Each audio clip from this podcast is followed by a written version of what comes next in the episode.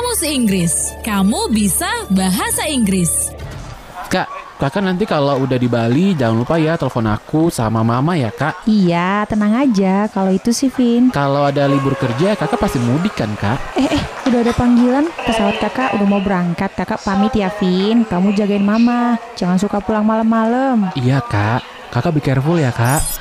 Teman Del, sedih ya denger si Kevin mau pisah sama kakaknya yang mau kerja di Bali. Tapi coba kamu denger yang ini teman Del.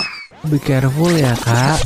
Kita koreksi sama-sama yuk teman Del. Kesalahan dari obrolan Kevin tadi adalah penggunaan be careful.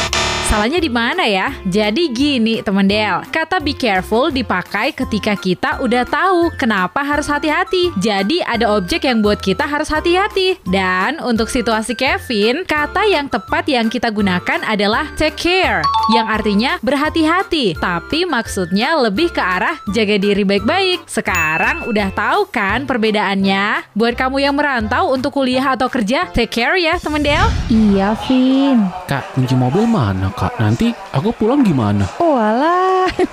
Ini nih, Vin, kuncinya. STNK-nya di dalam dompetnya ya. Oke kak. Kamus, kamus. Kamus Inggris ya, Kak? Kamus Inggris ya, Bang? Kamus Inggris. Kamu bisa bahasa Inggris.